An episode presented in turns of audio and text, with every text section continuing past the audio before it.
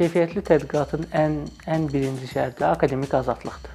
Dəfələrlə mənim qarşıma çıxıb ki, tələbələr müəllimlərinə sualı verə bilmirlər və yaxud da çəkinirlər. Avropadakı bir tələbə ilə Azərbaycandakı bir tələbə eyni materialı, eyni material dediyim, yəni oxşar materialları oxuya bilsə, bu bir ciddi bir addım atmış olaraq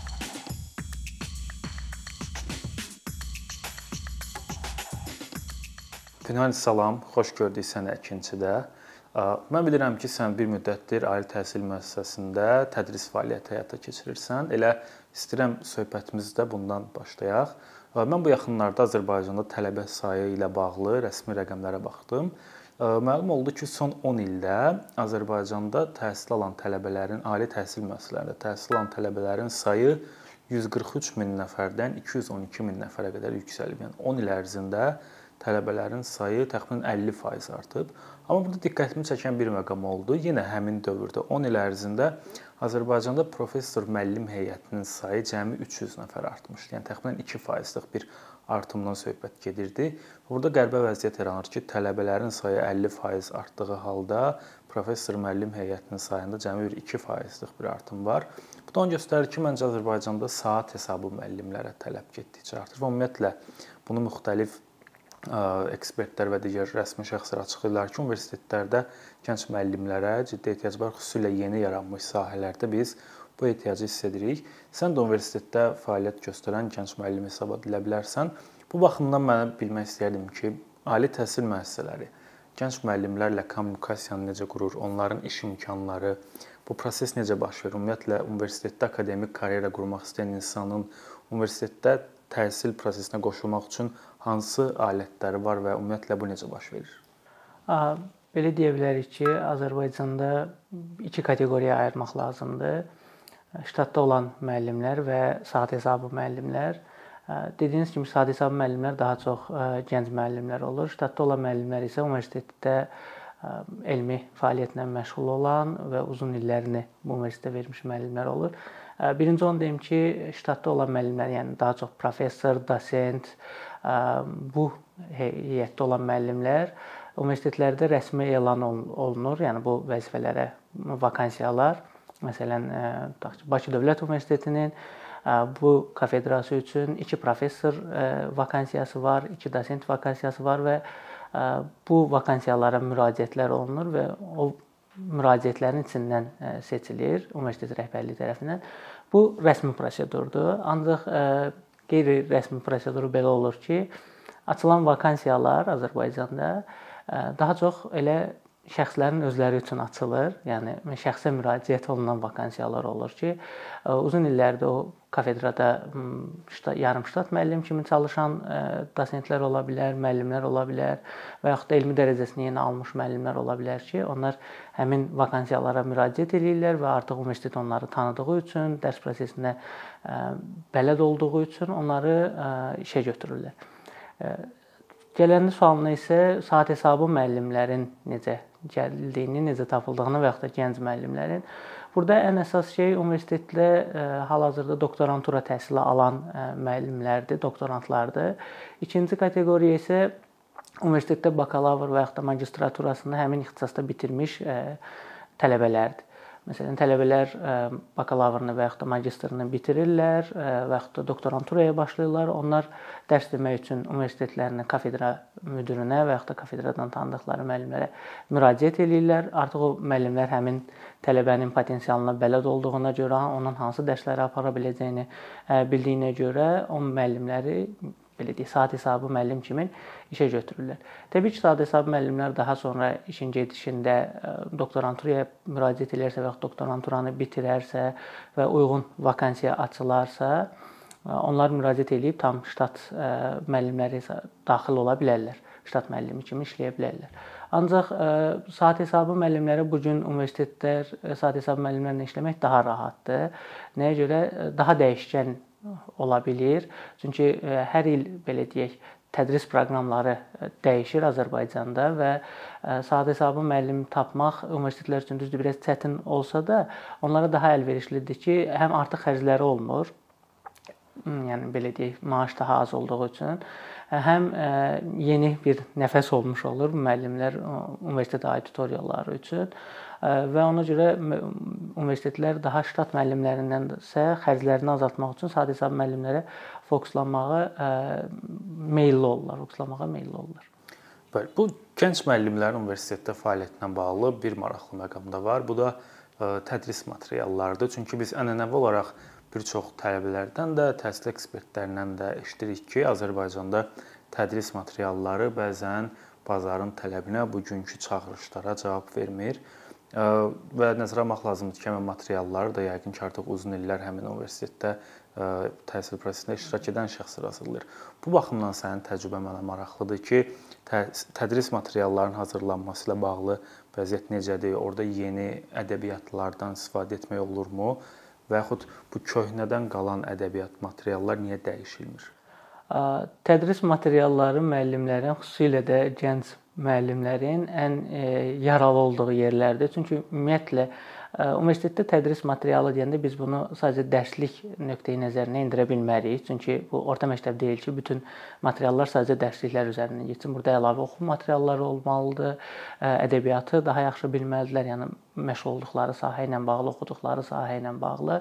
Bu gün tədris materialları bizim üçün ən ən ciddi problemdir, hətta belə deyərdim. Çünki Azərbaycanda e, bildiyiniz kimi tərcümə belə deyək, xüsusilə də elmi ədəbiyyatın tərcüməsi o qədər də yaxşı səviyyədə deyil və e, bunu etməli olan qurum e, mənim fikrimcə hər universitetin özü olmalıdır və universitetlər müəllimlərə hər il belə əsas xüsusilə də ştat müəllimlərinə elmi tədqiqat işi yazmağı tapşırırlar və bildiyiniz kimi universitetlərin onsuz da iki funksiyası olur da. Bir tədris funksiyası, digəri isə tədqiqat funksiyası və yaxud da ARC funksiyası, belə araşdırma və inkişaf funksiyası. Ancaq Azərbaycanda bu tədqiqat funksiyası, ARC funksiyası daha ikinci planda qaldığına görə hamı daha çox birinci plana fokuslanır və çox təəssüflər olsun ki, müəllimlərin apardıqları tədqiqatlar Təbii ki, burada biz keyfiyyəti də sorğulaya bilərik.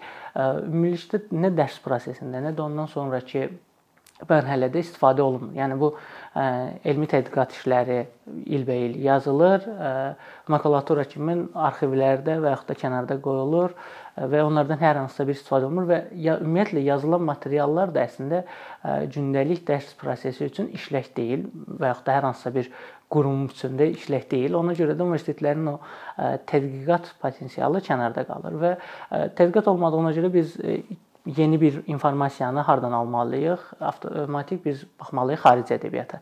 Xarici ədəbiyyata baxsaq, e, burada qarşımıza növbəti bir problem çıxır ki, bu xarici ədəbiyyatın tərcümə məsələsidir. Tələbələrin, xüsusilə Azərbaycan sektorunda oxuyan tələbələrin e, bir çoxu ikinci xarici dil bilmirlər və yaxud da bilənlər də çox aşağı səviyyədə olduğu üçün akademik ədəbiyyatı oxuya bilmirlər.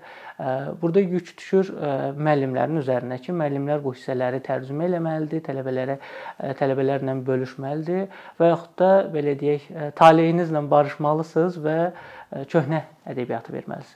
Əgər siz biraz daha öyrətməyə həvəslisinizsə, biraz daha maraqlısınızsa, siz o tərcümə məsələsini özünüz üstünüzə yük kimi götürə bilərsiniz və burada da biz tələb təklif məsələsinə gəlib çıxırıq ki, universitetlərin verdikləri əmək haqqılar bu tərcümələrin və sairənin hazırlanması üçün və xərclənən vaxtı qarşılamır.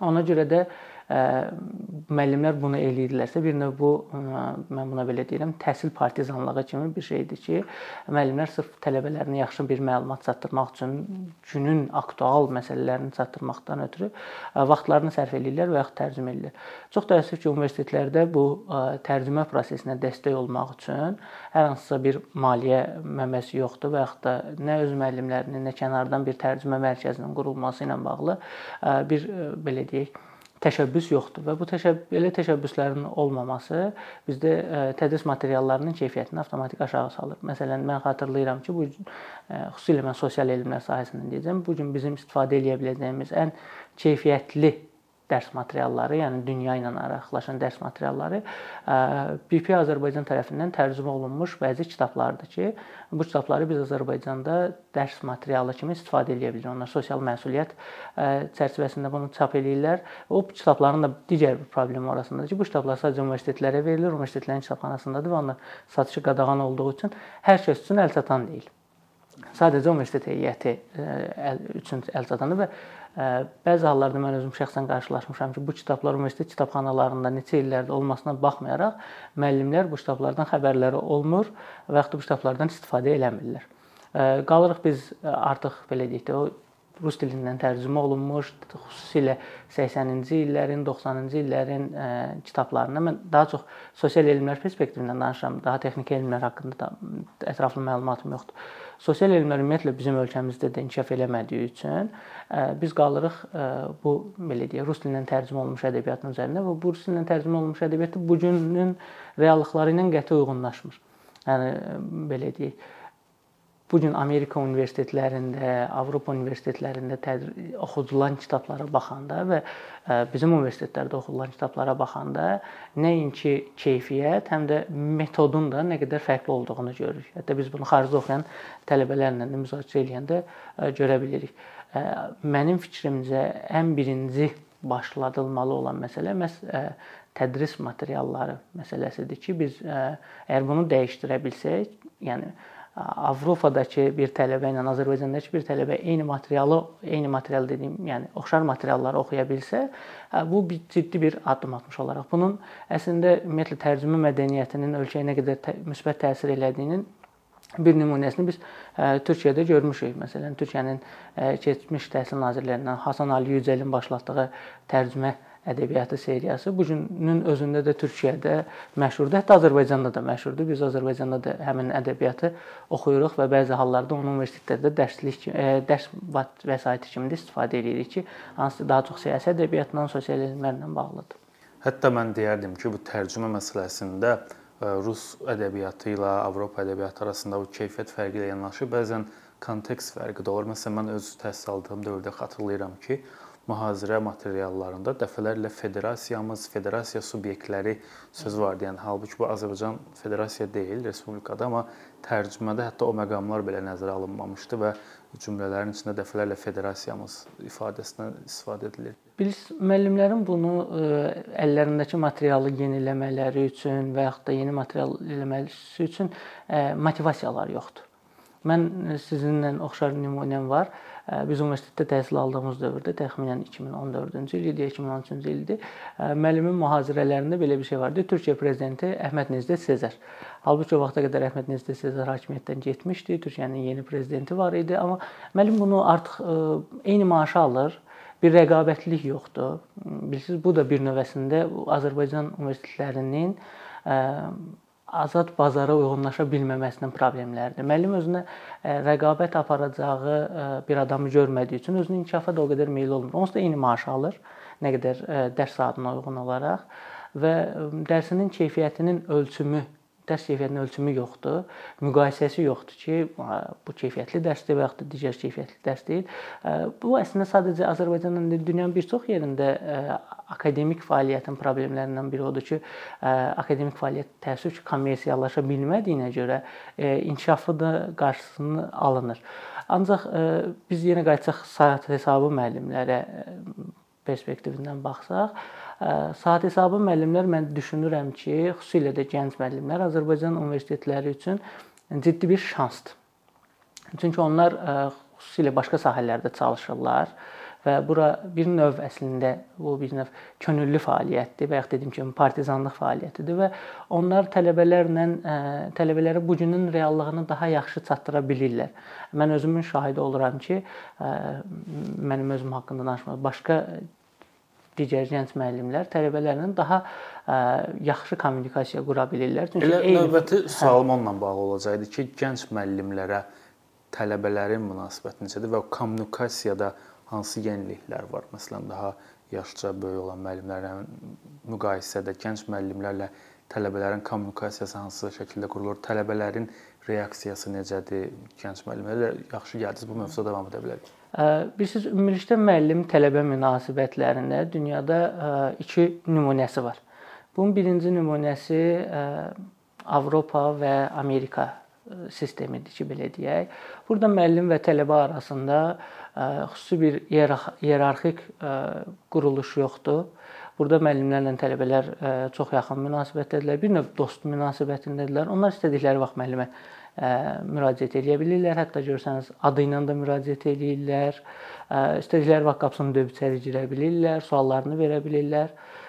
İkinci sistem isə daha iyerarxik sistemə malik olan, daha şərq ölkələrinə məxsus sistemlərdir. Məsələn, Koreyada da biz bunu görə bilirik və yaxud da SSR-də biz orta məktəbə endisək və səviyyəni necə deyəcək, xatırlayırsansa, biz düşünürdük ki, müəllim yemək yemir, müəllim evə getmir.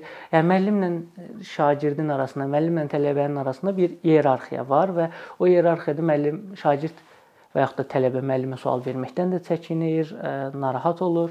Azərbaycanda da tələbələrlə müəllimlərin arasındakı ünsiyyət bu iki sistemin arasındadır. Yəni bizdə bu daha çox müəllimdən asılı olan vəziyyətə gəlir çıxır. Xüsusilə orta və yaşlı nəsil müəllimlər SSR təhsil sistemindən çıxdıqlarına görə onlar bu iyerarxik quruluşu saxlamağın tərəfdarı olurlar.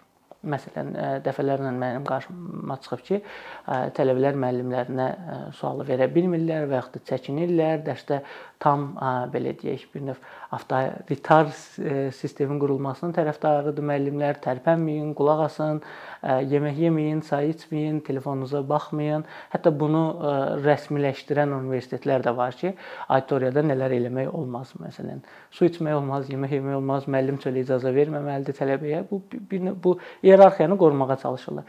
Ancaq gənc müəllimlər daha dünyadan belə deyək də, dünya ilə kontaktlı olduğuna görə sosial şəbəkələrin vasitəsilə, nə bilim, xaricdə oxuyurlarsa, oxuyub gəliblərsə, orada gördükləri ilə xüsusilə qərb ölkələrində şagirdlərlə və daha doğrusu tələbələrlə daha bu baryersiz ünsiyyətin tərəfdarı olurlar onlar daha açıqdırlar, şagird e, tələbələr onlara daha çox e, suallarını verə bilirlər, problemlərini danışa bilirlər. Mənim öz təcrübəm olub ki, e, tələbələrim mənə nəinki dərs prosesi ilə bağlı, belə normal həyatda qarşılaşdıqları sıxıntılarla bağlı da yazıblar.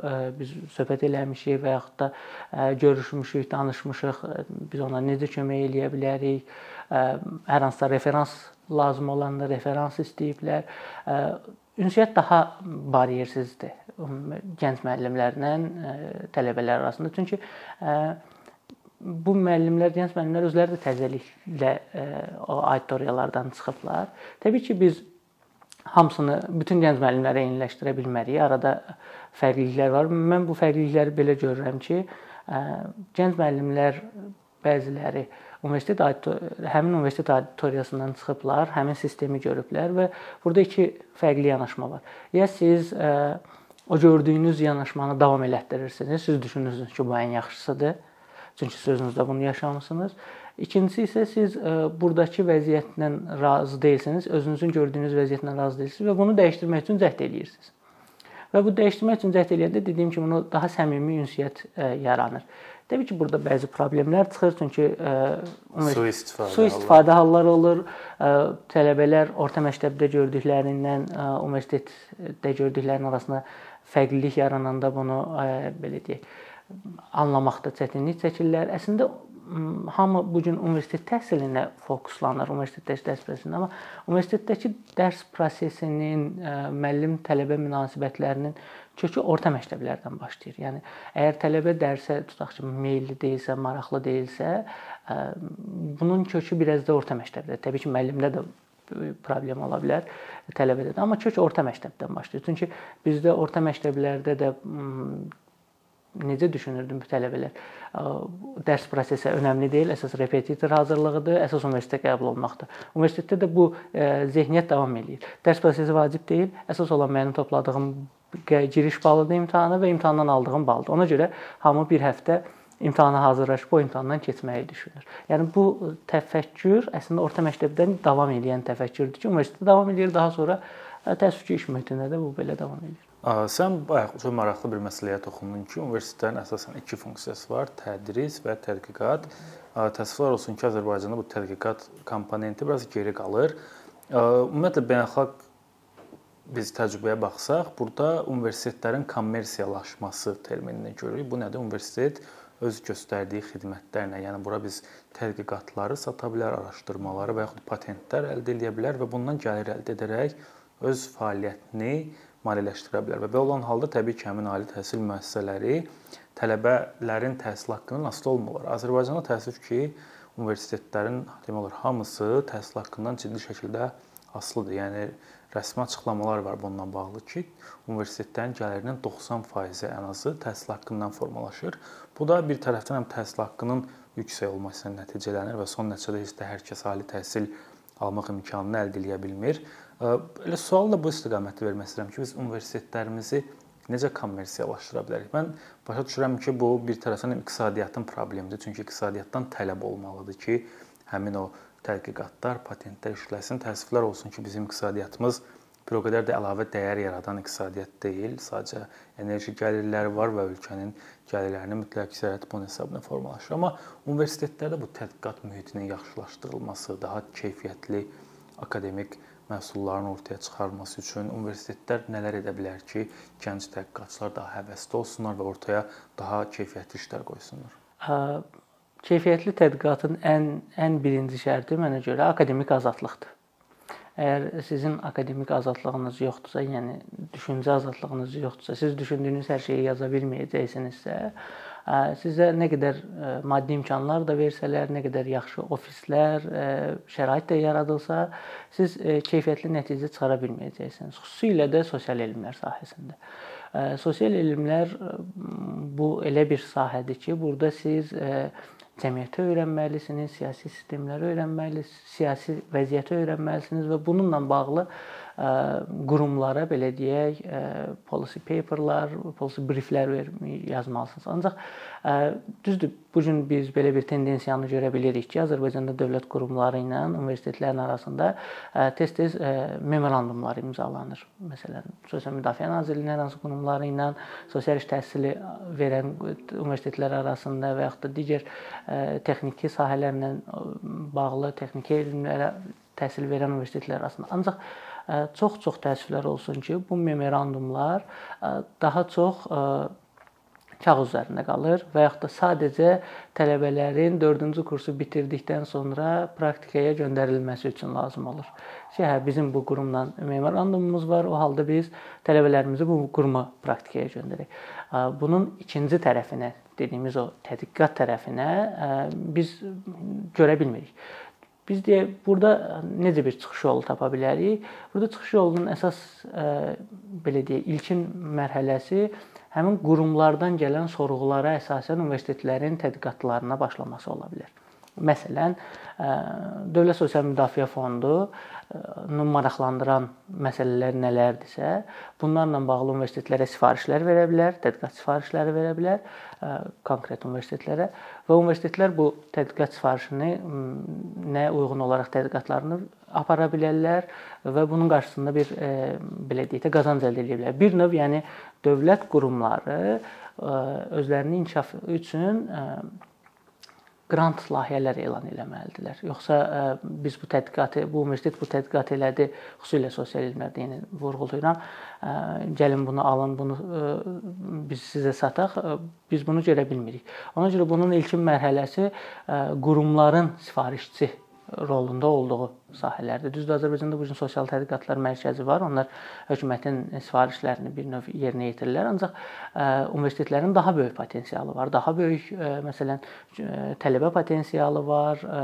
daha böyük akademik heyət potensialı var.